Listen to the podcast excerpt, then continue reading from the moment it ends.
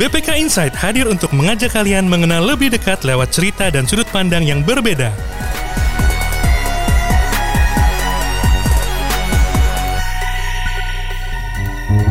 Selamat datang di BPK Insight, podcast pembelajaran BPK Korpu. Perkenalkan nama saya Febri Adipurnama. Pada episode ke-19 ini kita akan membahas mengenai topik yang menarik yaitu topik pengelolaan pemeriksaan pengelolaan sampah. Sahabat pembelajar, kebanyakan orang mungkin akan menghindar jika harus berurusan dengan sampah. Kenyataannya pada tahun 2020 Kementerian Lingkungan Hidup dan Kehutanan mencatat dari 67,8 juta ton sampah yang dihasilkan di Indonesia, sebagian besar berasal dari aktivitas rumah tangga. Dan baru sekitar 56 persen yang bisa dikelola sepanjang tahun 2020 tersebut. Indonesia juga disebut sebagai penyumbang sampah plastik terbesar kedua di dunia setelah Cina. Sebenarnya apa sih yang terjadi dalam sistem pengelolaan sampah kita? Upaya apa saja yang sudah dilakukan pemerintah dan apa peran BPK dalam upaya pengendalian dan pengurangan sampah ini? Dengarkan terus podcast ini karena kita sudah kedatangan tamu istimewa.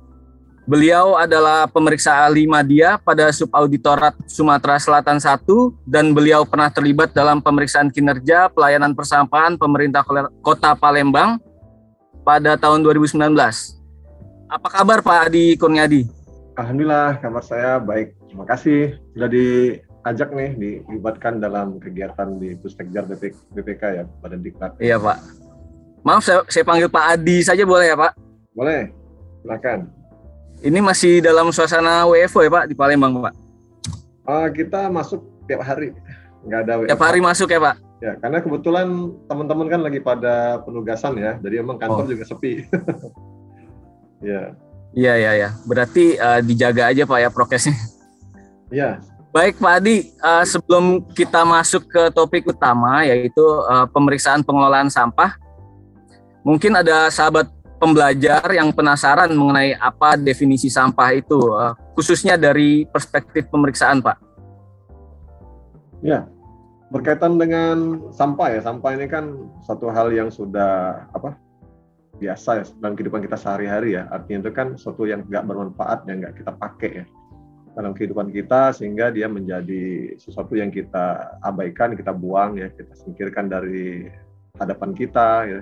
Bisa kita kadang-kadang kan uh, sampah ini kan uh, karena sesuatu yang nggak dipakai ya akhirnya kan dipinggirkan makanya dalam anekdot umum kan wah dia sampah masyarakat nih nggak dipakai di dalam masyarakat karena dia ngacau gitu ya. ya seperti itu juga analoginya uh, kertas yang nggak kita pakai ya kita pinggirkan kita buang gitu. jadi memang dia tidak kita gunakan lagi gitu ya dalam kehidupan kita gitu dalam proses aktivitas kita sehari-hari itu bahasa mudahnya seperti itu ya walaupun bahasa di, mudahnya ya pak kalau pemerintah juga ada definisi-definisi khusus yang ada letter letternya seperti itu baik Berarti ini uh, sampah ini semuanya ya, mau organik, anorganik, uh, di lingkungan perumahan, industri dan sebagainya gitu ya, Pak ya. Dimas.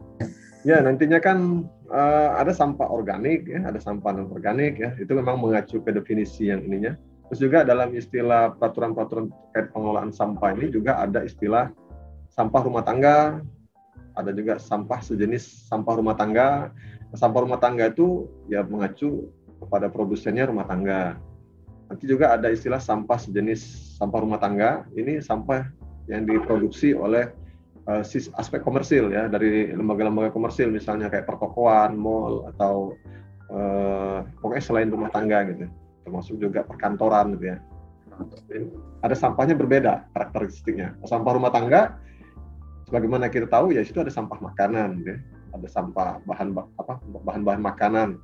Kalau sampah di sektor komersil itu ada ada sampah berkaitan dengan makanan juga ada, tapi ada, lebih banyak ke kertas, lebih banyak juga ke uh, kalau di perkantoran ya, misalnya kalau di mau industri sampah kayu, sampah kalau dia pabrik kimia ada bahan limbah cair segala macam, ada juga istilah nanti uh, bah limbah bahan berbahaya, berbahaya dan beracun, limbah B3. Nah ini uh, dampak berdampak tentunya dalam kehidupan Eh, kita sehari-hari tentunya ya ada dampak-dampaknya.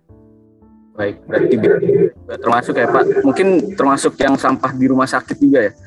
Ya, Terus sampah ini medis ya. Oh iya ya sampah medis. Sekarang kan banyak tuh. jarum yang perangkat-perangkat itu kan nggak bisa dibuang sembarangan ya. Termasuk juga ada sampah peralatan listrik, baterai yang nggak bisa dibuang sembarangan ya. Artinya penanganan-penanganan ini kan berbeda treatmentnya. Kalau dibuang sembarangan ternyata meledak kayak baterai ternyata meledak. Jadi dibakar atau ada bahan-bahan-bahan yang mengandung bahan-bahan yang seperti itu kan treatmentnya ada regulasi yang mengatur uh, pengelompokan pemilahannya. Baik Pak Pak Adi, uh, bagaimana sih Pak uh, pengelolaan sampah itu dari yang ideal gitu, dari hulu ke hilir? Itu seperti apa Pak? Mungkin mulai dari rumah tangga atau dari kantor ya, kalau itu sampah perkantoran misalnya. Iya. Wah ini saya sambil ngeliat-liat juga ya, saya baca ya. Soalnya ini Siap. bicara proses ya. Kalau proses sih sebetulnya kan sampah itu kan dilihat dari bagaimana proses awalnya ya. ya. Awalnya kan tentu dari ada produksi dari rumah tangga ya, adanya proses produksi rumah tangga. Kemudian ya kalau kita ikutin alurnya dari rumah tangga ya tentu sampah ini mengalir ke tempat pembuangan sampah. Nah, tempat pembuangan sampah rumah tangga nggak buang langsung ke tempat pembuangan sampah akhir. Dia buang sampah ya macam-macam nih. Di tahapan awal ada yang buang di apa uh, depan rumah ada yang ngambil ya misalnya seperti itu. Nanti di, ada yang mengambil dari petugas kebersihan yang ditunjuk dia mengambil sampah dia bawa ke tempat penampungan sampah atau tempat pembuangan sampah sementara nah dari depo atau tempat pembuangan sampah sementara inilah sampah ini baru diangkut ke tempat pembuangan sampah akhir tempat pembuangan akhir ya, tempat pengolahan akhir atau macam-macam istilah yang dibuat. Nah, sebelumnya itu kalau melihat prosesnya seolah-olah hanya buang, tampung sementara, kemudian diangkut ke tempat pengolahan akhir. Sebetulnya di tengah-tengahnya ada banyak proses. Karena pemerintah juga melalui undang-undang eh, tahun 2008 sudah mengatur tentang uh, undang-undang 18 kalau salah tahun 2008 mengatur tentang bagaimana pengolahan sampah ini ada istilah 3R. Eh, di situ harus ada reduce ya, pengurangan, kemudian harus ada reuse, digunakan kembali, dan juga harus ada harus ada juga uh, mengcover dengan konsep recycling ya, recycle. Ini uh, didaur ulang. Artinya sampah itu dari rumah tangga itu harus dipilah-pilah, jangan semuanya langsung dibuang. Karena kalau memang langsung dibuang, memang dampaknya apa sih kalau sampah itu langsung dibuang? Semua orang menganggap sampah langsung buang, langsung buang seperti itu. Ya tentu volume sampah jadinya menjadi numpuk ya banyak sekali. Seperti data, sebagaimana data. Kota-kota besar itu rata-rata sudah seribuan ton ke atas volume sampah per harinya. Kota Palembang ya, ada data yang kita periksa, tapi ini data ini juga nggak bisa divalidasi ya volume pengukurannya karena kemarin pada waktu kita meriksa uh, alat untuk menimbang truk yang pengangkut sampahnya ya sudah rusak ya. Tapi data klaimnya selama ini itu 1.200 ton per hari sampah yang diproduksi di rumah tangga di Kota Palembang per hari. Nah, kalau semua warga warga kota atau setiap penduduk itu membuang sampah terus seperti itu ya tentu sampah akan banyak sekali. Padahal sampah-sampah itu ada yang bisa dipakai. Umpamanya kayak anak-anak sekolah TK atau anak-anak. Kita punya sampah mereka punya kebiasaan gambar. Baru coret sedikit salah buang. Kertas dikasih bagi kertas nih. Kemudian nulis lagi ah nggak serak nih main pesawat terbang dibuang. Terus dia bikin lagi. Padahal kertas itu kalau dibuka lagi atau dibagi ditulis lagi di bagian belakangnya ini sebenarnya sudah mengajarkan guru itu kalau dia menerapkan itu ke siswanya, murid-murid sekolah itu. Ini namanya reuse kan. Supaya sampah itu jangan langsung buru-buru jadi sampah. Nah, kebijakan-kebijakan ini gitu harusnya jangan dulu buru-buru menjadi sampah yang dibuang sebelum menuju ke sampah yang dibuang. Jadi ada reuse-nya dulu, ada reuse-nya dulu. Kalau memang udah nggak bisa lagi dikurangin, nggak bisa lagi digunakan, ya silahkan dibuang. Memang sudah nggak dipakai. Nah, nanti ada proses nanti daur ulang.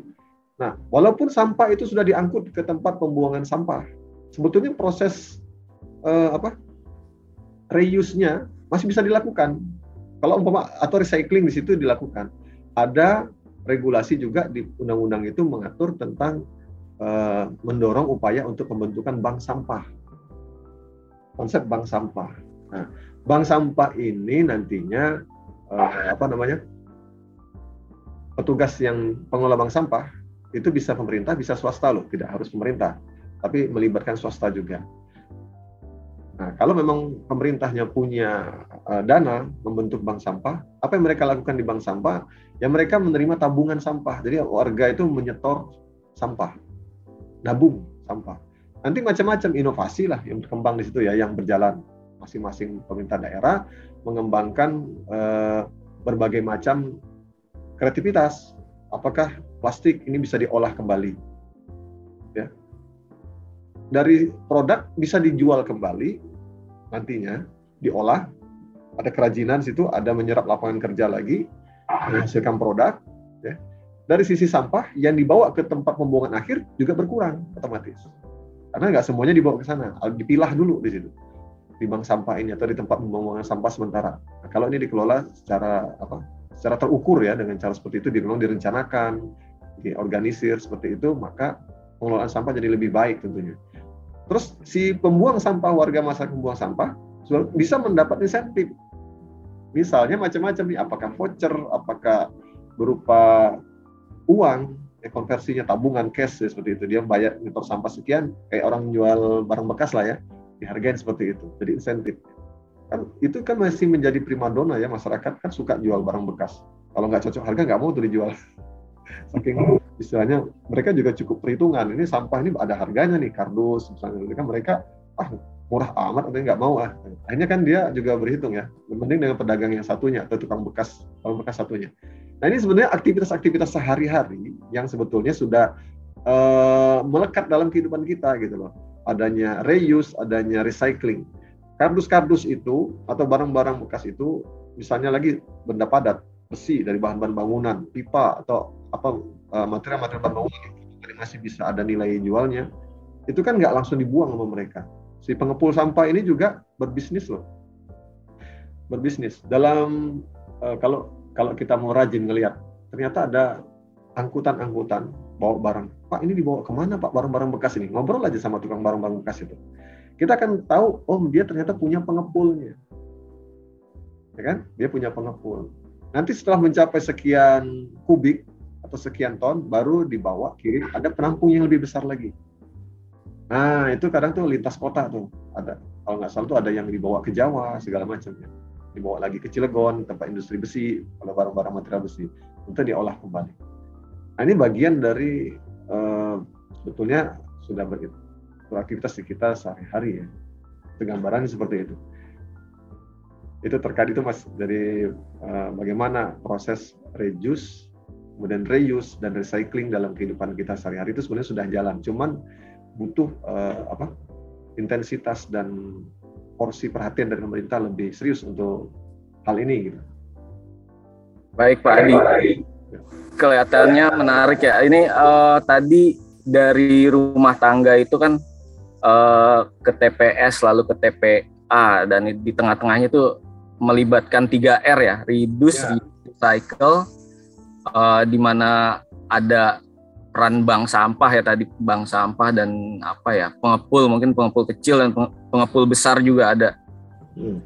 Baik Pak Adi, uh, tadi kan kita sudah tahu ya nih definisi sampah dan pengelolaan sampah yang ideal itu seperti apa. Nah sekarang kita masuk ke pemahaman mengenai pemeriksaan pengelolaan sampah Pak. Apa ya. sih itu Pak pemeriksaan pengelolaan sampah? Dalam kondisi seperti apa pemeriksaan ini perlu dilakukan? Lalu uh, pemeriksaan ini masuknya jenis pemeriksaan apa sih kalau di BPK Pak? Ya, um, pemeriksaan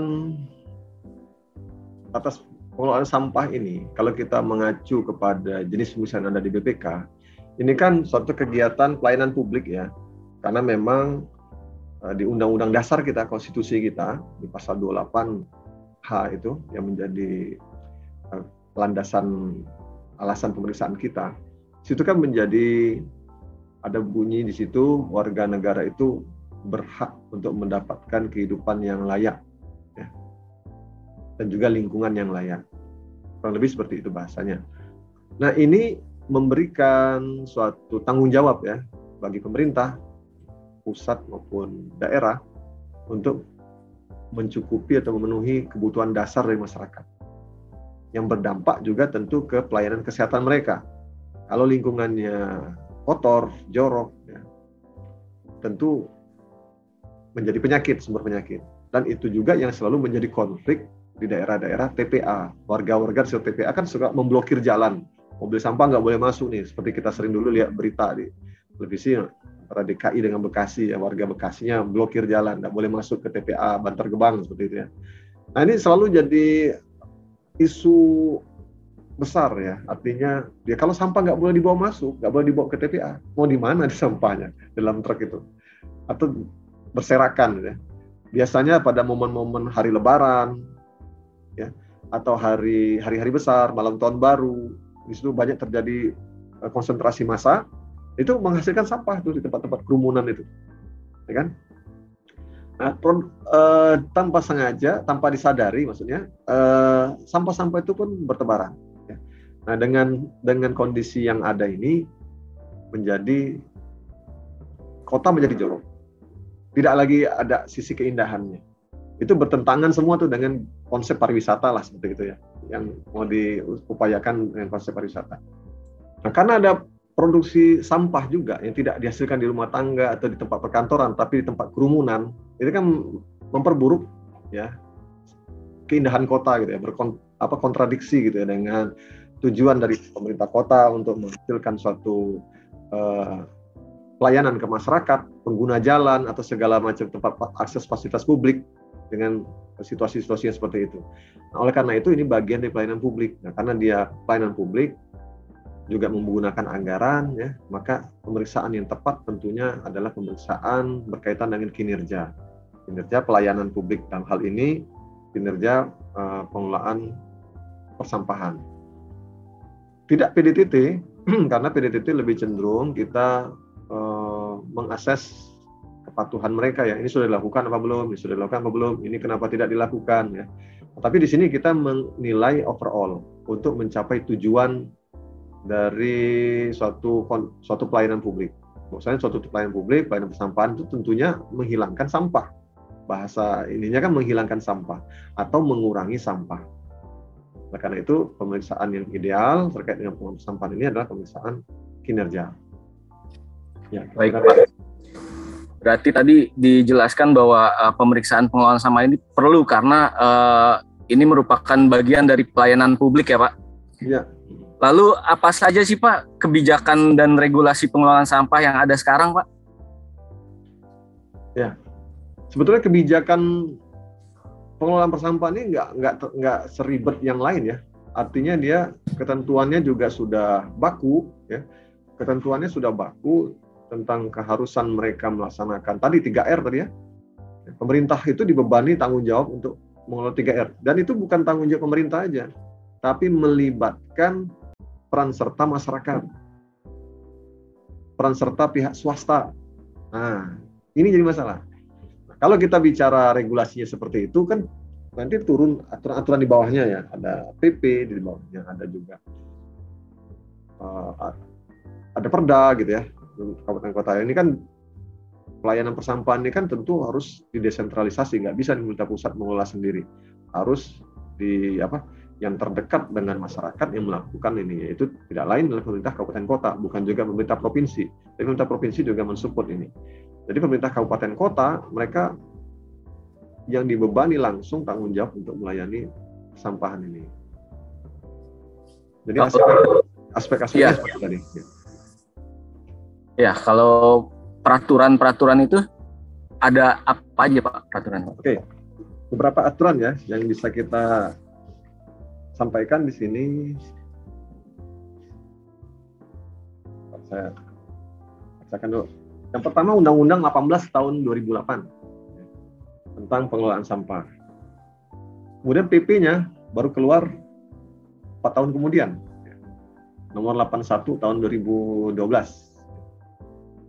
Ada Perpres juga tahun 2017 ya, sama ini berkaitan dengan pengelolaan sampah rumah tangga dan sampah sejenis sampah rumah tangga. Eh, sampah sejenis rumah tangga, SSRT.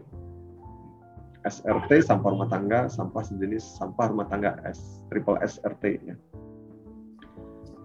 Nah, di tahun 2010 sebelumnya ada Permendagri.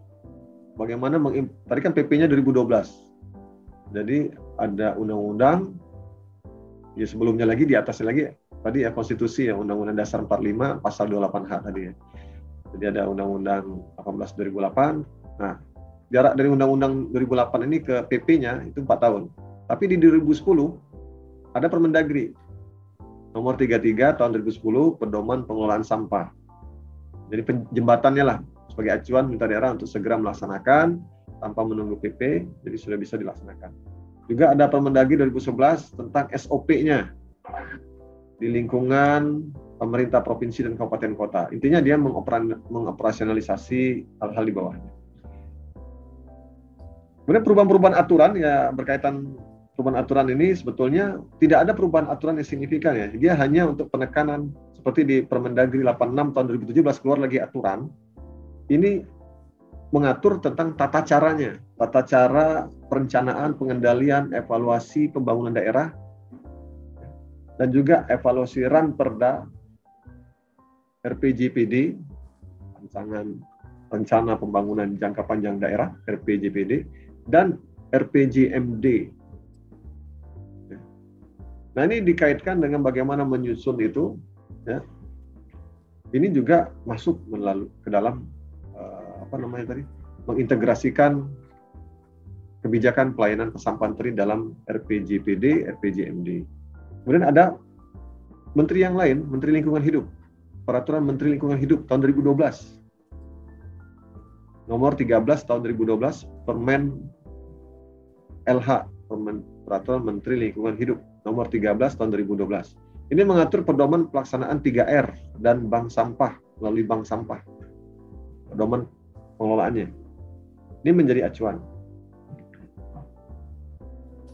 Nah, sebelumnya sebelum era Undang-Undang 2008 dulu diatur melalui kebijakan Menteri PU, Peraturan Menteri PU tahun 2006 Ya, ini nomornya nomor 21 garing PRT garing M garing 2006. Kebijakan Strategi Nasional Pengembangan Sistem Pengelolaan Persampahan. Kurang lebih isinya nggak ada yang kontradiktif ya, cuma memberikan penekanan, memberikan uh, apa pengaturan lebih lanjut, bagaimana merancangnya, mengintegrasikannya. Gitu. Tidak ada yang dicabut, 3R dicabut atau diganti dengan istilah lain nggak. Tetap ini masih selaras kok sampai sekarang. Lebihnya peraturan-peraturan daerah di kabupaten kota terkait. Baik Pak, kalau kita lihat nih lumayan lengkap sebenarnya peraturannya mulai dari 2006 tadi ada peraturan PU sampai ke peraturan Permendagri ya 2019. Ya. Jadi ini kita sebenarnya sudah apa perangkat peraturan sudah lengkap, lalu um, pemeriksaannya pun harusnya sudah ada uh, ininya ya uh, dasarnya gitu. Lalu apa Pak Adi tahapan tahapan-tahapan yang perlu dilakukan oleh pemeriksa BPK dalam pelaksanaan pemeriksaan pengelolaan sampah ini Pak? Ya. Jadi karena kita masuk ke kinerja ya, kan kinerja ini kan outputnya kan kita memberikan rekomendasi untuk perbaikan ya, agar mereka bisa mencapai tujuannya atau sesuai dengan tujuan perusahaan kita pada dasarnya kan tujuan urusan kita itu kan membantu mereka dan kinerja ini untuk memenuhi uh, capaian proses. Artinya bagaimana mereka ditarget untuk dari segi efektivitas, efisiensi, kehematan, ya, ekonomis untuk dalam melaksanakan program atau suatu uh, bidang pekerjaan yang mereka laksanakan.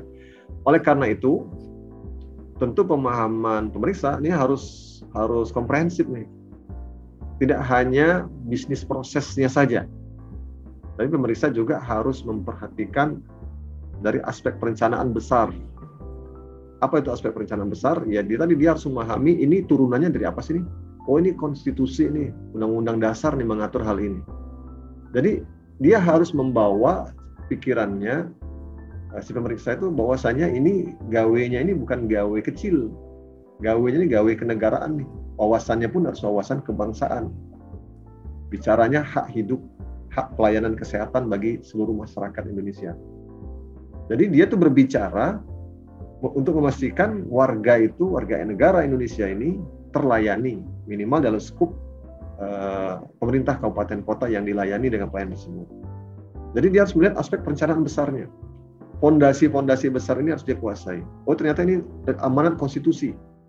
Setelah bicara amanat konstitusi, dia harus melihat bagaimana amanat konstitusi ini dikawal oleh si entitas. Ya kan? Entitasnya mengawal nggak nih amanat konstitusi? Nah, gitu. Nah, dalam hal ini, ke mana dia melihat apakah bukti entitas ini mengawal apa tidak? Ya tentu melihat kepada tadi dokumen yang diharuskan dalam Permendagri tadi harus ada dalam RPJMD yang lima tahun, ya, atau juga masuk dalam Renja yang setahun, ya. rencana pembangunan jangka panjang. Begitu juga harus melihat ke Renstra, ya. connect nggak nih bicaranya? Jangan-jangan di Renstra nggak ada, gitu? Atau di Renstra hanya judulnya judulnya saja, tapi ketika bicara ke bawah visi misi program ini nggak turun nih ke bawah nih. Hanya bicara untuk bahan pidato aja umpama kan. Nah ini atau hanya bicara untuk buku uh, seperti apa itu. Jadi harus dilihat oleh pemeriksa. Ini ngalir nggak sih? Betapa pemerintah daerah itu mengawal satu amanat konstitusi apa tidak? Nah, kalau ini selaras, terjabarkan, nah nanti uh, pemeriksa harus melihat ya kan tujuan sebenarnya kalau bicara bisnis proses ini sebelum kita bicara bisnis proses ya kita harus memastikan dulu ini tadi amanatnya ini amanatnya kayak apa terus juga bagaimana ini dikawal oleh pemerintah daerah terus pengawalannya ini tadi ketika masuk ke dalam RPJMD kan masuk ke dalam program ada indi, ada sasaran ada indikator capaian program atau bahasa kitanya IKU gitu ya Masuk nggak sih dalam IKU mereka? Masuk nggak dalam indikator keberhasilan program? Jangan sampai menetapkan target, wah target kita umpama layanan air bersih, 80% harus terlayani. Nah itu dikawal nggak? Tahun berapa ini mau capainya gitu kan? Nah itu kan harus ada nih, deadline-nya harus ada. Nah pemeriksa juga harus memastikan itu dulu. Kalau dia melihat itu semua nyambung, ada ditargetkan, kondisi existingnya itu berapa. Misalnya, existingnya itu sekarang baru coverage terlayani umpama 1.200 ton tadi umpama atau 1.500 ton sampah-sampah di kota besar ya. Apakah 1.500 ton sampah yang diproduksi rumah tangga ini keangkut semua? Oh ternyata baru 80 persen ya kan. 20 persen ini mau diapain nih? Kapan nih mau ini?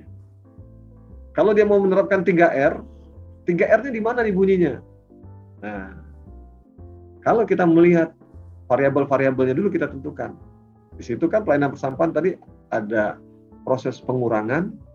Kalau kita bicara besarnya pengurangan dan bagaimana proses eh, penanganan ya. Pengurangan itu yang 3R tadi. Ada reduce, mengurangi timbunan timbulan munculnya sampah ada reuse, ada recycle. Itu di 3R itu ada di pengur, uh, program pengurangan sampah. Kemudian di penanganan, penanganan itu bagaimana itu pengumpulannya, dipulkan, dikumpulkan, dipilah, dan diangkut. Kemudian dilakukan penanganan di TPA, proses akhir, apakah itu diolah menjadi sumber daya listrik atau diolah menjadi apa gitu. Nah ini inovasi dari pemerintah daerah. Nah, program-program dari bisnis proses ini eh, kita lihat dulu di dalam eh, penjabaran dari Renstra, ke atasnya ada RPJMD ya. Bahkan di atasnya lagi seharusnya ada blueprint. Di atasnya lagi itu harusnya ada blueprint atau master plan. Master plan-nya mau kayak apa nih penanganan sampah ini?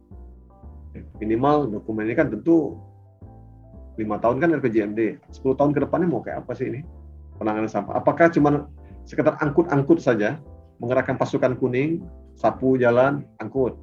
10 tahunnya sekarang, ke depan, dengan 10 tahun yang lalu itu masih kayak gitu aja.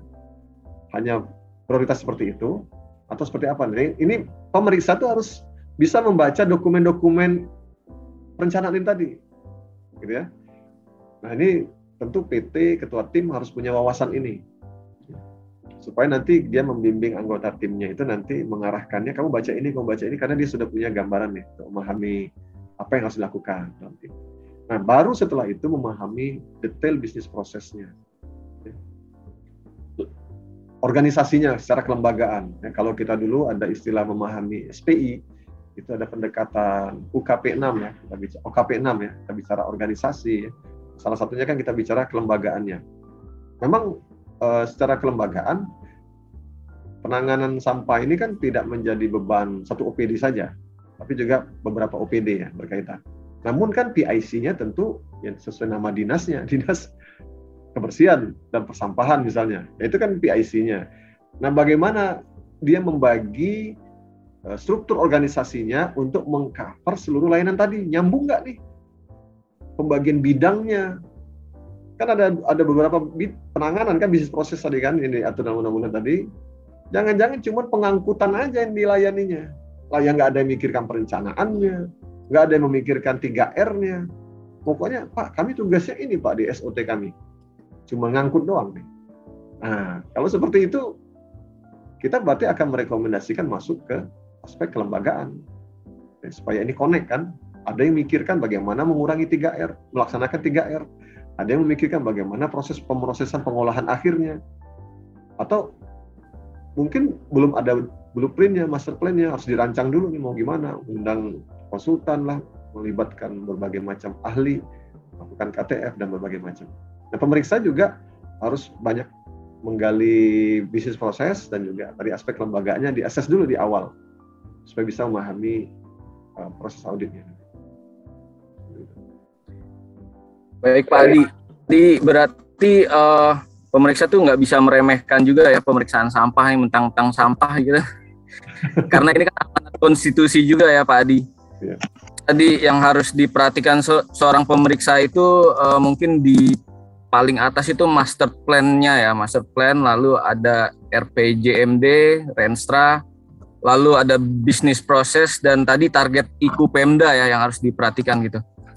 Uh, ini cakupan objek pemeriksaannya seperti apa Pak? Misalnya uh, dinas atau satker mana saja yang biasanya diperiksa terkait pengelolaan sampah ini? Tadi kan disebutkan ada salah satu dinas lingkungan hidup gitu Pak. Selain itu ya. mungkin ada lagi atau gimana?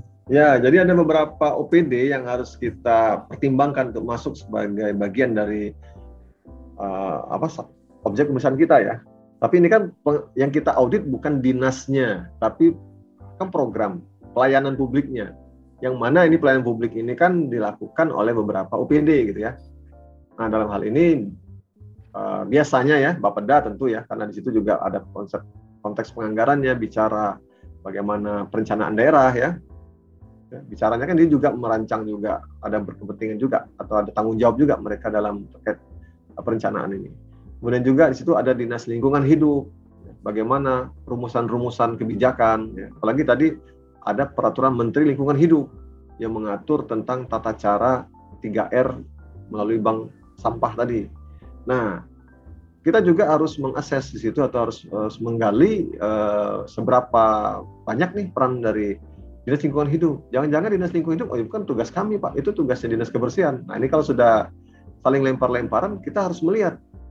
Uh, nanti kita akan membedah nantinya dalam proses pemeriksaan apa iya ini memang benar-benar tugas dinas kebersihan. Kita pada awal meriksa juga, kalau kita, waktu di awal kan kita juga bingung ya karena tuh penugasannya uh, lumayan mendadak pembentukan timnya. Sebenarnya konsepnya sudah ada lama gitu ya. Cuma kan belum dikasih tahu timnya siapa, jadi kan nggak ada yang coba-coba ini ya begitu seminggu sebelum penugasan baru diinformasikan timnya mau dibentuk. Nah, kita juga dalam posisi nggak ngerti gitu siapa ini yang apa uh, PIC-nya ah nusa sampah apa menariknya kan? Pokoknya image-nya jelek lah ya. Terus nggak menambah ini apa auditabilitasnya bakalan rendah nih. Terus juga bagaimana kita mau mau mengumpulkan data? Apa iya mereka punya data yang yang terkelola dengan baik ya? Kita juga agak kesulitan dengan kondisi-kondisi kayak gitu kan Nah, sebetulnya itu karena kita belum memahami tadi, ya kita belum masuk ke dalam uh, apa uh, grand design-nya. Seperti apa sih pemerintah negara ini ya? Kita bicaranya negara NKRI lah bahasanya. NKRI ini bertanggung jawab atas warga negaranya dalam memberikan uh, kehidupan yang layak dari sisi kesehatan dan sisi lingkungan hidup kepada masyarakatnya. Kalau kita melihat ke struktur yang besar ini tadi, nah ini akan memudahkan kita merumuskan uh, operasionalisasi cita-cita negara tadi, cita-cita bangsa ini yang di dalam konstitusi tadi ke dalam apa yang harusnya sebenarnya Pemda itu harusnya bisa melakukan ini gitu. Nah, kita meng, memeriksanya dari sisi kita mengakses apa yang menjadi mandat itu tadi dan apa saja yang mereka sudah lakukan. Dan kita juga bisa memberikan berbagai macam input ya. Karena kita juga sebetulnya kan kita uh, melakukan komparasi-komparasi juga ya. Misalnya kita melihat di tempat lain ada yang melakukannya seperti ini. Kok di sini masih seperti ini? Bisa membandingkan struktur SOT-nya. Kok dinasnya cuman pembagian unit kerja seperti ini. Tidak mengcover item ini, kegiatan ini, proses bisnis ini di OPD uh, eh, di pemerintah yang lain, kabupaten yang lain, ternyata mereka lebih lengkap. Nah, kita bisa memberikan input-input atau menyarankan mereka untuk ya semacam studi banding atau apa untuk pelajari bagaimana uh, mengelola tugas-tugas itu. Baik Pak. Berarti yang diperiksa itu programnya ya, bukan dinasnya. Jadi misalnya ada apa program pemeriksaan uh, sampah COVID gitu. Jadi bisa jadi RSUD juga terlibat gitu ya Pak? Betul, iya. Seperti penanganan COVID kan, kita juga masuk ke apa dinas kesehatan, BPKAD, karena mengelola belanja tak terduga kan, pos belanja tak terduga, karena anggarannya diposkan di situ. Bisa juga masuk ke dinas sosial, bisa juga masuk ke dinas kesehatan, ya. atau bahkan masuk ke BPBD, penanganan bencana gitu. Ya. Nah ini kita ketika kita melihat satu program, satu paket uh, pelayanan publik di situ kita harus bisa menjabarkan terlebih dulu atau menghimpun atau menginventarisir OPD-OPD mana atau lembaga-lembaga mana nih yang berkaitan dengan bisnis proses ini dan masing-masing peran mereka supaya kita nanti bisa melihat batas dan tanggung jawab masing-masing OPD. Kira seperti itu. Baik Pak Adi. Um, apa saja sih Pak permasalahan yang kerap menjadi temuan dalam pemeriksaan pengelolaan sampah ini Pak? Ya. Uh, sebagai gambaran ya, kalau pemerintah daerahnya itu uh, belum pernah diperiksa, biasanya itu masalah mereka, masa program itu belum pernah diperiksa. Biasa, biasanya masalah utamanya itu belum adanya grand design, master plan blueprintnya mau kayak apa nih, mau ke mana nih istilahnya. Sebagaimana kita juga biasa merisa uh, apa pemeriksaan kinerja yang lain, ini blueprintnya atau master plan seperti apa belum terjabarkan. Kemudian masalah klasik juga, ya antara bicara visi misi mau menangani persampahan itu ikunya nggak turun, ikunya nggak turun ke OPD-nya dari IKU OPD nggak turun ke IKU di unit eselon 3-nya umpama. Unit eselon 4-nya nggak turun. Sehingga bagaimana nih OPD itu kalau dia nggak mengerjakan itu toh nggak mempengaruhi kinerja dia kan? Bayangkan, kalau bicara uh, kepala daerah, oh dia ditarget, dia mencanangkan program, kita harus coverage layanan kita naik nih. Dari tadinya bisa mengangkut hanya 60% harus menjadi 80%. Ini ikut kepala daerah nih di Renstra ya umpama lima tahunnya. Nah di OPD-nya nggak bunyi, harus mencapai itu. Jadi kalau OPD-nya nggak menjalankan itu, OPD-nya salah nggak? Secara beban langsung nggak ada salahnya. Ketika rapat-rapat pembahasan capaian kinerja, bagus kinerjanya. Oh sudah serapan anggaran aja yang dinilai kan, bagus anggarannya terserap, bayar honor uh, penyapu jalan, bayar hon, bayar BBM, apa angkutannya truk-truk pengangkut sampah terus bayar ini bayar itu segala macam. Anggaran terserap. Kinerjanya bagus. Padahal coverage-nya nggak naik-naik. Masih tetap jalan di tempat. Umpama hanya 60 atau hanya naik satu persen dua persen gitu kan. Nah ini nggak nggak bisa dikejar ke bawah. Artinya kepala daerah akhirnya tidak punya tools untuk memastikan apa yang dia cita-citakan atau yang dia programkan itu tercapai. Nah, kita melihat ini harus kita inlinekan ke situ. Ini bukan bicara aspek kepatuhan, tapi ini bicara aspek bagaimana suatu program itu harus bisa terjamin akan dicapai gitu. Merencanakan itu ya emang serius. Ibaratnya serius nih mau mencapai ini, ya. mau 80%. Terus kamu gimana cara kamu ngawasinnya? Gitu. Orang di bawahmu nggak pernah dibebani target itu. Taruhlah itu bunyi di OPD-nya. Di dinas kebersihannya bunyi itu. Coverage-nya IQ-nya harus 80%. Tapi ke bawahnya lagi, siapa yang menjalankan ini? Bidangnya siapa nih? Ya kan? Untuk mencapai 80% itu bidangnya siapa yang dibebankan? Kan ada beberapa bidang, ada sarpras, ada bidang apa namanya eh, pengangkutannya, ada bidang umpama yang berkaitan dengan sosialisasi. Siapa yang dibebani ini? Jangan sampai beban ini dibebankan ke pengangkutan atau satu unit saja. Yang bidang ini nggak nyambung. Nah, jadi otomatis di sini eh, penilaian-penilaian variabel-variabel yang harus jadi acuan pertimbangan si pemeriksa harus harus cover ya ke situ. Ya, untuk untuk memastikan itu tercapai. Baik Pak Adi. Um, terkait peraturan mungkin lebih ke kepatuhan ya. Saya baca uh, sudah sempat baca-baca sih Undang-Undang 2008 nomor 18 ini. Ya. Itu kan menyebutkan bahwa pengelola kawasan pemukiman dan sebagainya itu uh, wajib ya.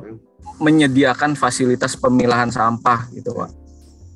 Itu ya, jauh mana pemilahan sampah yang sudah dilakukan masyarakat, Pak? Karena kan kalau saya sendiri nih berpikir misalnya saya memilah sampah di rumah, itu apakah nanti di level TPS dan TPA itu masih tetap dipilah atau malah dicampur lagi gitu?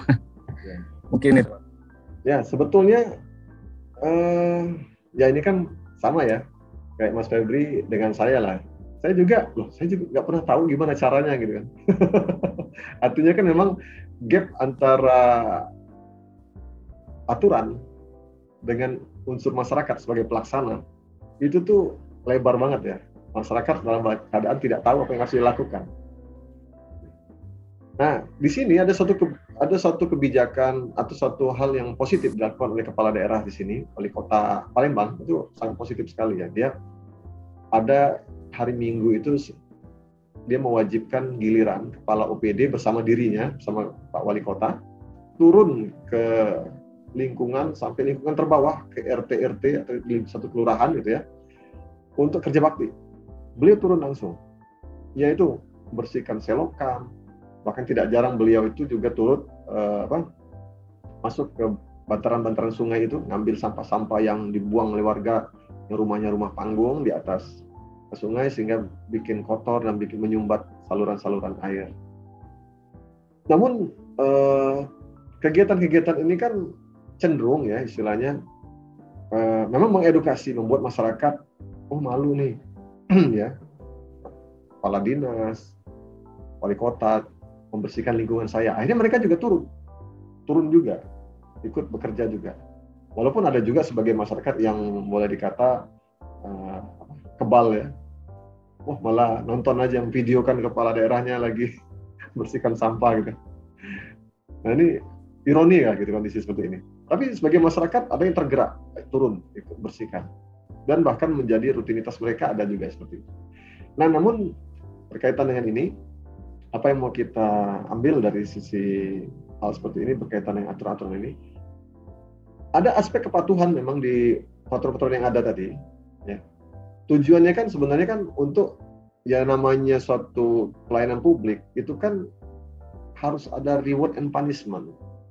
Kalau nggak di hanya himbauan, ya maka siapa yang menjalankan? Nah, dalam hal pemeriksaan kinerja ini kita juga mengakses seberapa sih upaya Pemda pemerintah kabupaten kota itu idealnya ya eh, mereka mengawasi kepatuhannya pengembang, dari developer atau masyarakat. Medianya apa gitu kan? Apakah ketika mereka tidak patuh itu penyebabnya karena sosialisasi kurang atau mereka tidak tahu?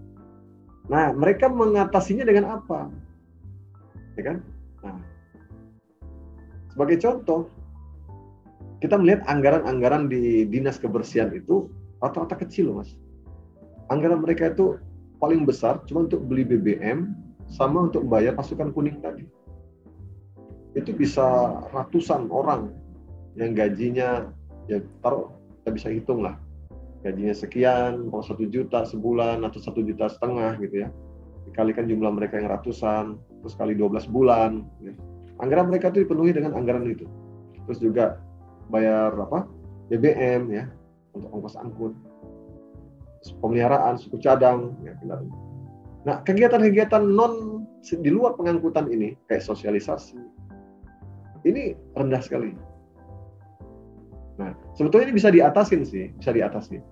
Misalnya, kalau mau bicara kreativitas untuk membuat suatu sosialisasi, kan mereka kan uh, bisa bekerja sama dengan dunia kreatif, humas, ya, membuatkan video atau sosialisasi atau kunjungan wali kota atau bi bisa dibarengkan dengan kegiatan sosialisasi atau bisa dikaitkan disandingkan dengan IMB. Ketika membuat IMB harus ada ini harus ada ini di satu kawasan area pemukiman kan bisa dibuat persyaratan tuh. IMB tidak akan keluar kalau ini belum ada gitu.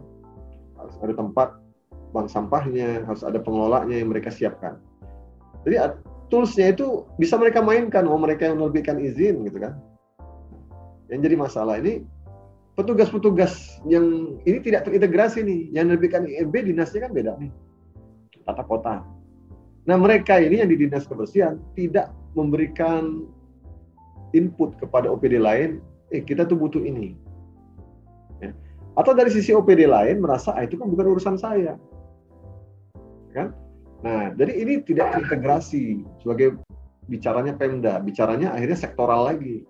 Nah, di sinilah peran kepala daerah untuk menyatukan uh, variabel-variabel ini dalam seluruh aspek pelayanan publik. Gitu ya. Contoh nih, di pemerintah kota Palembang ini, satu hal yang positif sudah berjalan sebetulnya. Ketika orang mau mengurus perizinan, itu harus melampirkan PBB. Bukti bayar PBB. Sekarang kan ada sudah vaksin. Nah, itu kan untuk memastikan warganya itu kan sudah melakukan proses itu kan. Nah, sebetulnya dengan hal yang seperti ini juga harusnya sama. Apalagi ini variabelnya kan tidak sebesar itu. Perizinan kok kalau mau dilibatkan masyarakat lebih besar bisa lebih lebih besar lagi artinya uh, warga tapi itu terlalu besar ya terlalu banyak. Bisa secara berkala. Oh sekolah SD SMP kan di bawah pemerintah kabupaten kota. Mereka bisa berdayakan mereka ini sekolah ini anak-anak sekolah ini SD SMP ini sebagai agen-agen perubahan di lingkungan keluarga masing-masing. Nah jadi nah kita tuh sebagai pemeriksa memberikan input-input seperti itu. Pak, ini kenapa nggak diadakan? Alasan nggak ada dana, toh sekolah kan bisa punya dana bos. Ya kan? Bikin kegiatan mereka itu untuk lomba mengelola bahan sampah, datangkan ahli. Kan nggak harus anggaran dari dinas kebersihan, gitu, kalau memang anggarannya terbatas. Nah kita itu sebagai pemeriksa mengakses mereka tuh nggak punya program, nggak punya kegiatan, nggak. Kalaupun dinas kebersihan ini uh, tidak melakukan kegiatan itu, ya mereka harusnya menitipkan program-program mereka itu ya bicara atas nama pemerintah kota kabupaten yang melalui kepala daerahnya bupati wali kota gitu untuk masuk diintegrasikan dalam program-program OPD OPD yang lain. Yang masih tanggung jawab dan itu jauh lebih bermanfaat ya. bayangkan bapak si bapak atau ibunya buang sampah sembarangan yang negur anaknya sendiri eh pak kok buang sampah sembarangan sih pak? Ini kan nggak boleh. Nah, kan malu bapaknya ditegur anak kecil kan akhirnya kan itu kan merubah satu rumah satu rumah satu rumah. Ya. terus nanti kakaknya juga sekolah diajarin seperti itu. Iya pak bapak ini malu-maluin aja. Kerjanya di BPK misalnya mana buang sampah sembarangan. Emang nggak pernah meriksa sampah apa gitu. Misalnya seperti itu.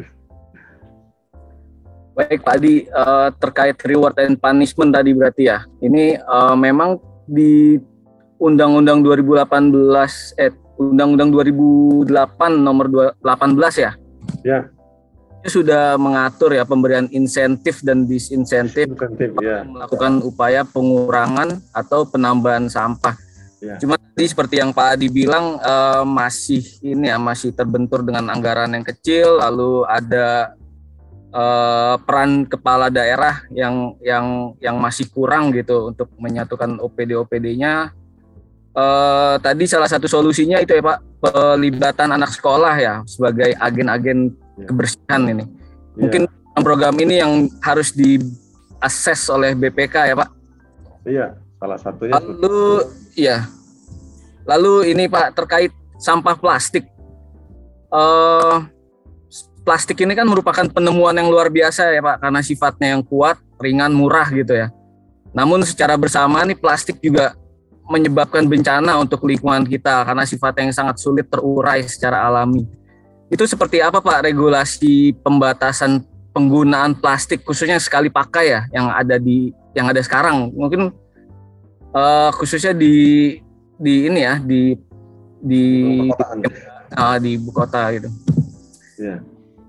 Karena saya lihat di satu daerah dengan daerah yang lain tuh beda-beda pak. Misalnya untuk penggunaan kantong plastik eh, sekali pakai ini ada yang melarang, ada yang tidak, ada yang mewajibkan konsumen untuk membeli dengan harga yang lumayan mahal untuk sebuah kantong plastik dan sebagainya gitu pak. Itu seperti apa pak? Ya. Eh, saya dulu juga termasuk yang jengkel gitu ya. Masa plastik dihargain? Jadi pembayaran kita di minimarket itu tadinya umpama sudah pas hitung-hitungan kita, jadinya uangnya jadi keriting lagi nih, harus nambahin 200. saya suka jengkel dulu sebelum saya paham seperti ini ya. Ya, karena kita kan bukan masalah 200-nya, jadi di kantongnya jadi berat gitu kan, sisa logam-logam yang kadang tuh seratusan pecahannya kan. Nah, tapi ternyata saya tuh baru paham kenapa itu dibuat harga gitu. ya. Itu bagian dari mengedukasi masyarakat. Tapi sayangnya edukasinya ketinggalan. yang ada dikenal masyarakat itu casnya saja, cas duit, cas duit, cas duit. Punishment, punishment dengan suruh bayar lebih gitu. Itu kan salah satu bentuk eh, hukumannya dia nggak mau berhemat, nggak mau pakai wadah sendiri, mau pakai plastik, artinya kan membebani ini, akhirnya ini. Nah harusnya kan eh, kita itu kurang mendapatkan edukasi gitu ya, dengan hal seperti ini. Padahal ini sebenarnya bagus sekali. Nah berkaitan dengan sampah plastik ini, memang otomatis di daerah-daerah juga berbeda-beda. Ada yang setuju menerapkan plastik berbayar, ada yang tidak setuju ah cuma 200 orang pasti mampu bayar. Ya kan? Ya kalau memang hanya bicaranya apa? Bicaranya itu hanya cas saja. Hanya bicara duit, ya siapa sih nggak mampu bayar 200 perak gitu ya? Kecuali orangnya benar-benar bawa duit pas gitu ya. Udahlah saya kantongin, saya pegang aja gitu. Saya masukkan dalam tas. Nah sebetulnya esensinya kurang tadi. Harusnya ada sosialisasi. Kenapa sih kita ini 200 itu buat apa gitu kan? atau sebagai kompensasi apa gitu. Nah kalau memang tujuannya itu untuk mengurangi sampah supaya orang tuh mikir, kan masyarakat kita ini kan paling banyak kan menengah ke bawah ya. Ini kan kondisi umumnya seperti itu. Orang di masyarakat bawah itu beli belanja bawang aja itu selisih seribu perak aja pindah ke toko lain atau selisih berapa ratus perak aja pindah ke toko lain. Jadi kan perhitungan banget istilahnya. Nah ini apalagi plastik, dihargain 200 gila nih. Gini aja 200, saya pegang aja nih. Bahwa belinya cuma satu botol minuman. Ngapain gue bayar 200 lagi? Udah, saya pegang sendiri. Nah, tujuannya kan seperti itu. Artinya volume orang, jumlah orang-orang yang berprinsip seperti itu masih lebih banyak daripada orang-orang yang sanggup bayar gitu. Jadinya ini akan menekan setidaknya 50% kebiasaan orang-orang selama ini dikit-dikit pakai plastik. Mbak pisahin dong plastiknya, Mbak pis- pisahin dong Mbak plastiknya, ini yang ini aja. Sekarang Mbak satuin plastiknya. Jadi cuma mau bayar satu. Jadi tadinya dia belanja, umpama pakai lima kantong, tiba-tiba dia jadi hemat, cuma satu kantong aja, sisanya masuk tas katanya. Nah ini, ini kan ada perubahan perilaku nih. Otomatis sampah plastik yang memang sulit terurai ini menjadi lebih sedikit nantinya. Ini salah satu apa tujuannya. Tidak menghilangkan sih, karena mau tidak mau kita kadang-kadang ya karena banyak mau nggak mau pakai plastik juga kan. Tapi setidaknya itu telah mengurangi. Ini kan bagian upaya ya, harus kita apresiasi hal-hal seperti ini. Ini susahnya bukan main, mengedukasi. Nah, untuk mengedukasi ini, salah satunya itu lagi-lagi banyak uh, di dibiasakan beberapa pemerintah daerah itu membiasakan uh, kegiatan rapat tidak lagi disuguhi dengan minuman mineral, tapi pakai cangkir. Sebenarnya kalau cangkir kan dicuci. Kantor perwakilan kita ini di BPK Sumsel ini juga menjalankan itu. Jadi disediain cangkir, ya, sediain cangkir. Kalaupun pakai cangkir yang yang kertas ya bahannya yang kertas itu loh yang jadi tidak tidak apa plastik minum bisa minum air hangat bisa buat kopi teh segala macam. Nah itu kan juga sampah yang terurai itu kan bisa tidak masalah. Namun itu juga masih masih menghasilkan timbulan sampah bahasa lainnya. Tetap menghasilkan timbulan sampah namun masih bisa diurai. Nah yang terbaik uh, sebetulnya pakai cangkir. Benar-benar cangkir yang dicuci kembali dipakai kembali. Reuse lah jadi kan bisa benar-benar dipakai. Nggak langsung dibuang gitu. Ini kalau dari ini Pak Adi sisi pemeriksaan gitu Pak. Sudah pernah ada belum pemeriksaan maksudnya khusus untuk sampah plastik? Karena kan tadi faktanya kita penghasil sampah plastik terbesar kedua di Cina Pak dari Cina ya di ya. Cina setelah Cina maksudnya ya kalau untuk pemilahan jenis uh, sebetulnya kan dari beberapa aspek tadi ya, beberapa aspek itu kita kan mengakses. Ada aspek pengurangan itu yang 3R tadi. Uh, bidang bidang apa unit bisnis prosesnya ya. Ada pemilahan, eh tadi ya, sampah plastik, sampah ini. Kemudian ada pengumpulan, pengangkutan, pengolahan dan pemrosesan akhir. Ini ada enam nih, enam bisnis proses yang kita jadikan assessment untuk memilih area potensial ya di kinerja. Jadi ada pengurangan itu di dalamnya ada 3R.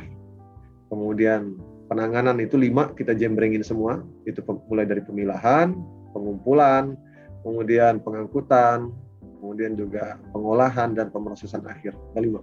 Nah, kalau pengurangan kita ambil kemarin waktu di kota ya. Kemudian untuk pemilahan sampah plastik segala macam, ini auditabilitasnya nih yang susah. Pertama, untuk penghitungan volumenya tidak berjalan. Kemudian juga pemilahannya juga tidak berjalan.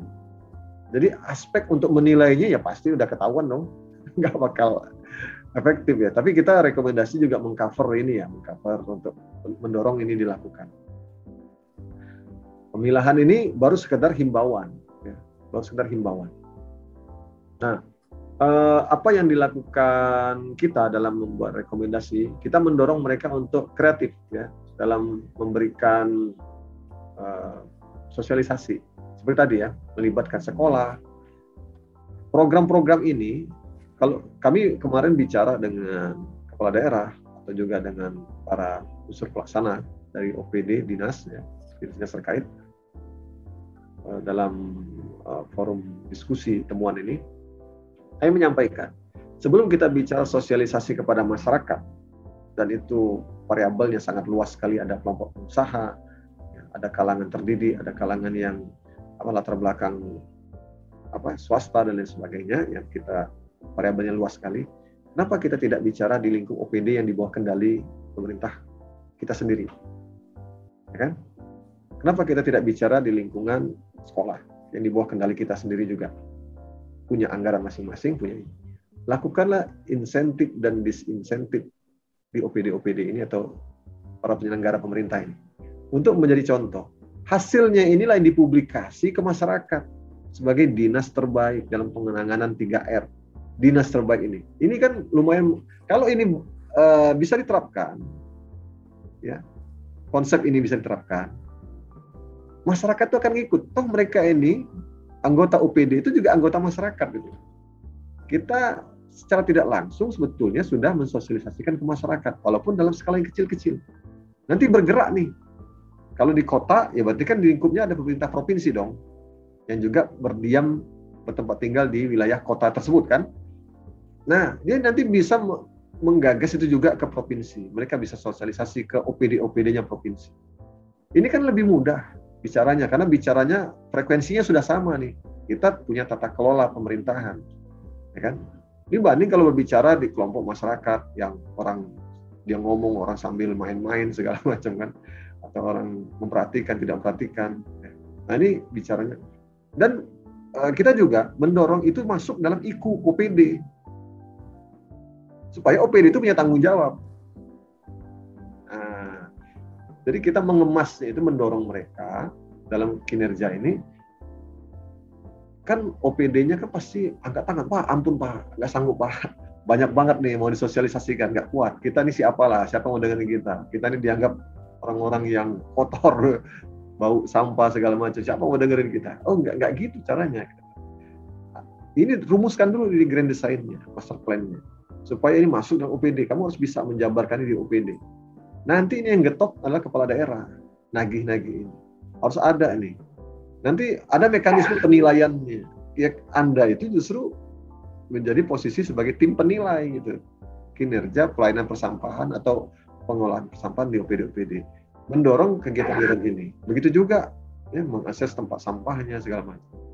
Terus juga nanti melebar nih ke lingkup corporate ya swasta ya sektor private ya swasta atau atau BUMD atau BUMN yang ada di kota kita gitu ya Nah, melibatkan mereka juga. Bisa juga melibatkan mereka dari sisi CSR, yang bangun tempat PPS yang 3R, mengelola bank sampah. Ini. Jadi banyak nih bisa variabel. Kita punya punya aspek uh, punya variabel yang besar, tapi kita juga punya sumber daya modal-modal yang bisa sebenarnya membantu kita juga. Tapi selama ini kan tidak tidak terpikirkan gitu ya. Karena kita apa tadi uh, sudah apa istilahnya? Sudah sudah terstigma, ini tugasnya dinas kebersihan. Nah, bayangkan kalau sudah distigma seperti itu ya orang dinas kebersihan ampun, Pak, nggak sanggup lah Pak, kami aja PNS-nya cuma sekian. Tenaga kerja kami di lapangan nyapu jalan semua kata mereka. Mana bisa kami melakukan ini? Nah itu harusnya mereka masuk ke dalam tataran melibatkan seluruh ini. Baik Pak Adi, kalau yang saya tangkap tadi yang yang sudah dilakukan tuh yang R pertama ya reduce mungkin ya reduce yeah. untuk use ini aspek akuntabilitasnya tidak tidak terukur jadi baru sebatas himbauan dan mungkin salah satu apa solusinya adalah dengan sosialisasi di sekolah gitu yeah. terkait dengan yang R ketiga nih Pak recycle ini ada fakta menarik dikutip dari kaltimprokal.co penumpukan sampah organik secara terbuka utama di TPA dapat membentuk gas metana gas metana gitu ya. Sebesar 70% dari gas metana tersebut akan berada di udara sebagai gas rumah kaca yang memiliki daya merusak sebanyak 21 kali lipat dari gas karbon dioksida gitu. Sejauh mana nih Pak uh, upaya pemanfaatan sumber gas metana di TPA oleh pemerintah gitu karena gas metana yang dihasilkan sebenarnya ini bisa menghasilkan listrik untuk keperluan rumah tangga gitu. Ada gak uh, upaya kerjasama dari Pemda gitu dalam hal ini untuk melakukan kerjasama dengan instansi atau universitas atau tadi Bapak bilang BUMD, BUMN gitu ya untuk memanfaatkan potensi ini Pak? Ya. Pada waktu tahun terakhir kami merisa itu kan 2019, itu sudah ada wacana ya, sudah ada wacana jadi pada waktu itu ada wacana itu uh, untuk membeli peralatan, ya, dan itu juga masih diperdebatkan apakah mau diproses apa tidak, karena alatnya kan lumayan mahal, harus utang. Ya. Karena pembayar ini juga pengelolaannya juga diserahkan ke swasta. Uh, jadi karena waktu itu masih wacana kami nggak bisa berkomentar ya lebih banyak. Dalam proses selanjutnya pandemi 2020 2020 2021 pandemi. Kemudian dana Pemda kena refocusing ya, ya kayaknya sih dengar-dengar sih stuck lagi tuh rencana itu jadi memang uh, memang situasinya belum menguntungkan atau belum kondusif untuk berinovasi ya sifatnya mengeluarkan modal yang sangat besar seperti itu. Memang kalau mau bicara modal yang murah meriah untuk memberdayakan pengelola sampah ya tadi dengan melibatkan OPD orang-orang ini dibangun kesadarannya dimulai dari OPD OPD-nya pemerintah kabupaten kota itu sendiri ya. Artinya kepala daerah dulu dong yang harus care dengan ini. Kemudian uh, bicara dengan OPD OPD itu ya datangkan ahli, bangun kesadaran mereka, bikin program, buat program semacam tadi juga melibatkan uh, dinas pendidikan dengan punya aset banyak itu siswa-siswa sekolah mereka. Begitu juga ajak kampus-kampus terdekat untuk buat penelitian. Sebetulnya kalau ada alat, kalau kita browsing-browsing nih ya di toko-toko online, itu ada alat pengolah limbah untuk menghasilkan minyak bahan bakar. Ada yang menghasilkan minyak bahan bakar. Itu kalau saya lihat itu kan produk anak bangsa ya, dibuat dengan alat-alat yang istilahnya bukan alat-alat yang canggih benar. Misalnya dia bicara mekanik ya, bicara dari sisi ilmu mekanik yang mereka pelajari di kampus atau seperti apa, atau mereka punya kemampuan itu, mereka ubah, mereka set jadi alat. Itu banyak kok. Harganya juga tidak mahal-mahal juga. Ada yang 10 juta, ada yang 20 juta gitu. Kemampuan produksinya juga banyak. Nah sebetulnya eh, tadi kalau kita mengacu kepada apa? Kepada pendanaan, sekolah ini kan punya dana bos. Kelurahan, desa punya dana desa, dan dana kelurahan. Kalau di kota, dana kelurahan. Dana desa itu setiap desa pegang satu miliar nih, rata-rata ya. Tentu berlipat dengan sejumlah jumlah penduduknya. Penduduk desa itu. Kelurahan juga sama, punya dana besar. Masa ngeluarin 20 juta, beli alatnya seperti itu untuk mengolah, mulai gitu ya, merancang itu apa kondisi kesulitan Oke lah kalau sekolah dana bos mungkin diarahkan ke sekolah-sekolah yang sudah mapan. Sekolah-sekolah yang gedungnya sudah bagus, masa mau direhab lagi gedungnya dicat ulang. Mending dananya dibelikan untuk hal yang lebih meningkat. Biarlah kalau untuk rehab, untuk uh, maksudnya itu untuk dana bos itu dipakai untuk pembelian buku atau segala macam atau ya kalau untuk sekolah ini memang eh, sekolah-sekolah yang memang kekurangan sarana prasarana ya silahkan. Tapi kalau sekolah-sekolah yang sudah mapan, ya sekolah-sekolah yang sudah mapan terus juga dapat dana bos kan tetap karena di, di, itu jumlah siswa bukan jumlah ketersediaan ininya.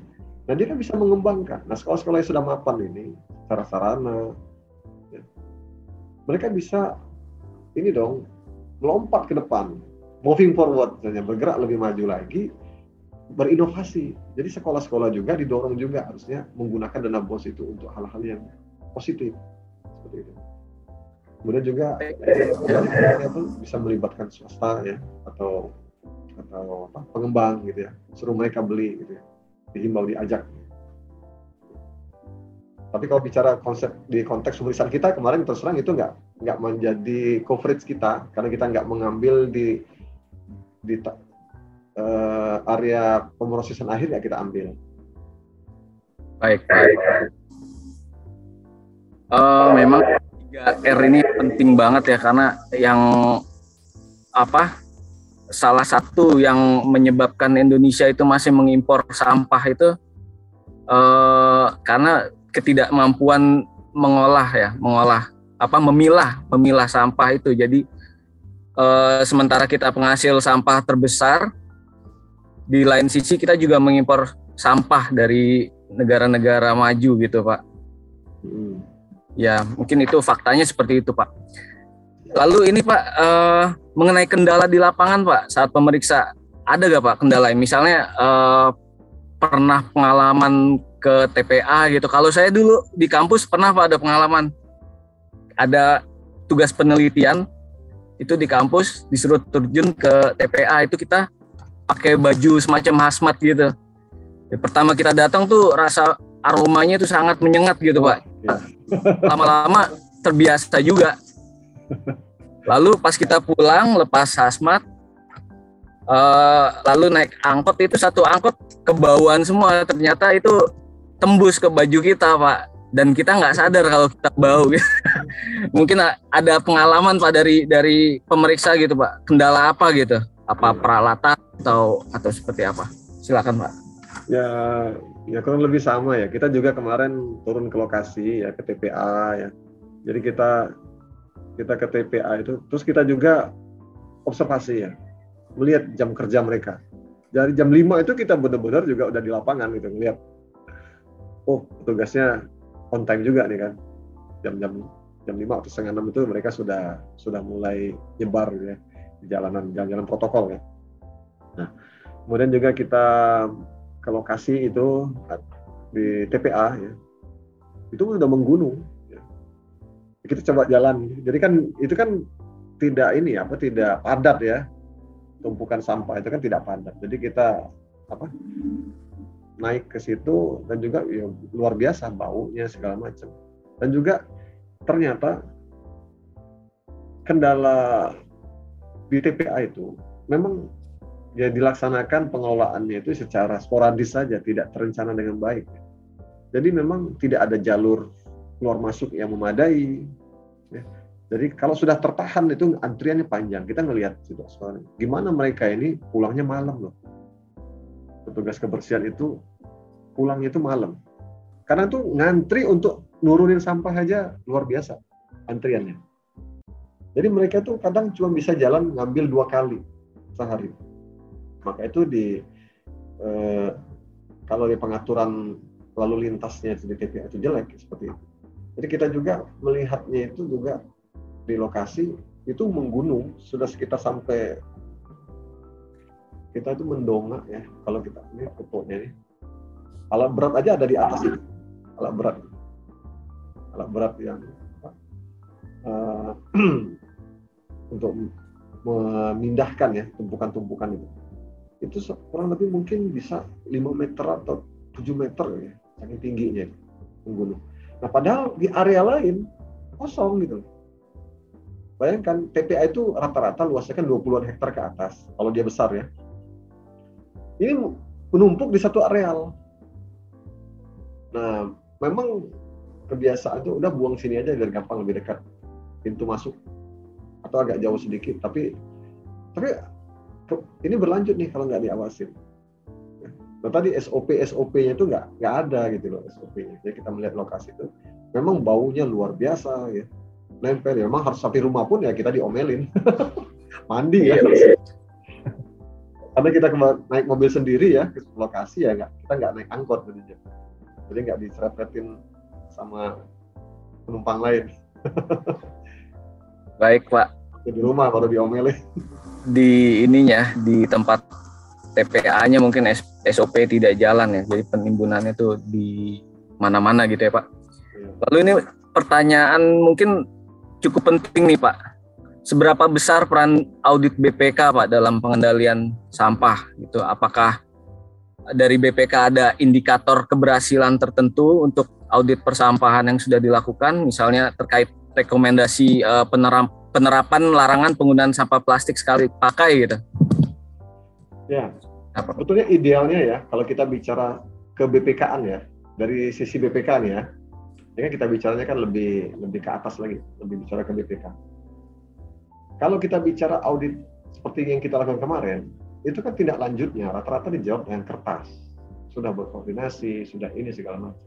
Tapi di lapangannya kan kita kan nggak melihat. Itu hanya dokumen tindak lanjut yang diupload di apa namanya aplikasi SIPTL ya. Nah, real di lapangannya kita nggak bisa ngelihat apakah benar terjadi, apakah ini hanya surat aja gitu kan, apakah sudah mulai dilakukan, ada foto juga dilampirkan.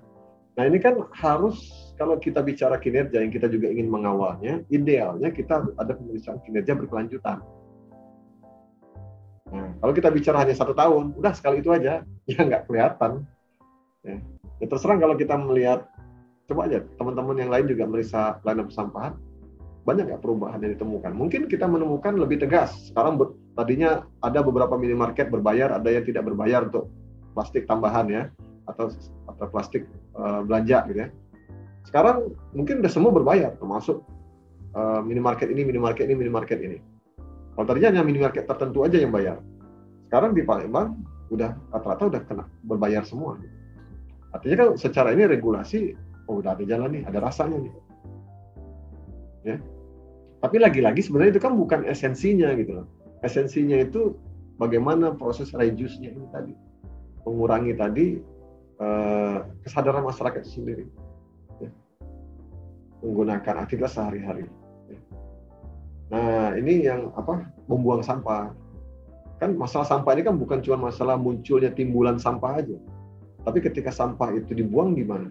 Ada yang buangnya masih di jalan, buang sampah bahkan di jalanan pun mungkin sekarang di jalan-jalan protokol udah nggak lagi. Tapi beberapa orang kebiasaan sambil di jalan naik motor lempar sampahnya ke pinggir jalan. Ini kan kesadaran-kesadaran kan masih rendah. Akhirnya sampah tidak dibuang di tempatnya, tidak terangkut. Nah, ketika bicara tidak terangkut, nah nanti kita juga melihat coverage ini seberapa sih untuk pengangkutan. Tadi kita gambarkan ada 1.200 ton sampah yang harusnya diangkut, tapi daya angkut baru 800 ton. Ada 400 ton atau sekitar 35 persen yang belum terangkut. Nah, 30 persen ini kan banyak loh. 400 ton yang nggak terangkut ini. Inilah yang menumpuk. Kadang-kadang kayaknya Sabtu Minggu kerja. Belum lagi dengan pola industri makanan nih sekarang. Semuanya serba plastik kan. Apa? Eh, kalau dulu kita beli bakso pakai apa? Mie ayam pakai mangkok ya. Sekarang kan sudah ada wadah semua sekarang. Packing-packingan semua. Styrofoam ya, Pak. Styrofoam. Dengan begitu kan bisa dikirim ya dengan belanja online bisa dikirim makanan-makanan basah yang biasanya kita makan di tempat. Nah, kebiasaan orang makan tidak di tempat, akhirnya butuh alat-alat kemasan. Nah ini memang budaya, tapi kan kita tidak bisa menghilangkan budaya ini. Nah memang mau nggak mau berdamainya dengan dengan apa eh, pola industrialisasi makanan seperti ini ya tentu harus ada antisipasi nih. Pemerintah punya langkah antisipasi nggak? Nah kita itu sebetulnya mendorong itu. Dan nantinya kalau bicara target pemeriksaan kita itu mau seperti apa, kriterianya apa, ya sebetulnya kita mendorong mereka dulu bikin kriteria yang tertuang dalam RPJMD tadi. Kamu mau berapa persen nih coverage-nya? Kamu untuk pengangkutan, pengumpulan seperti apa? Terus bagaimana untuk pengolahannya? Terus bagaimana pentahapannya tahun per tahunnya? Jangan bicaranya 80 persen, tapi tahun kapan Pak nyampainya? Tahun pertama mau gimana? Tahun kedua mau gimana? Tahun ketiga gimana? Ini mau disebar di berapa tahun itu seperti apa? Sehingga di tahun sekian tuh tercapai nggak?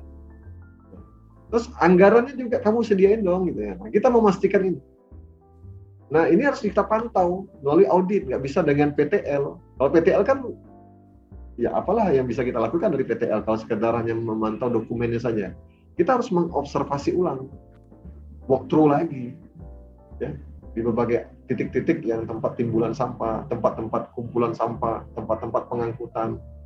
Nah, ini harus ada walkthrough lagi. Makanya sebetulnya pemeriksaannya harusnya idealnya berkelanjutan. Idealnya berkelanjutan supaya benar-benar bisa benar-benar bermanfaat.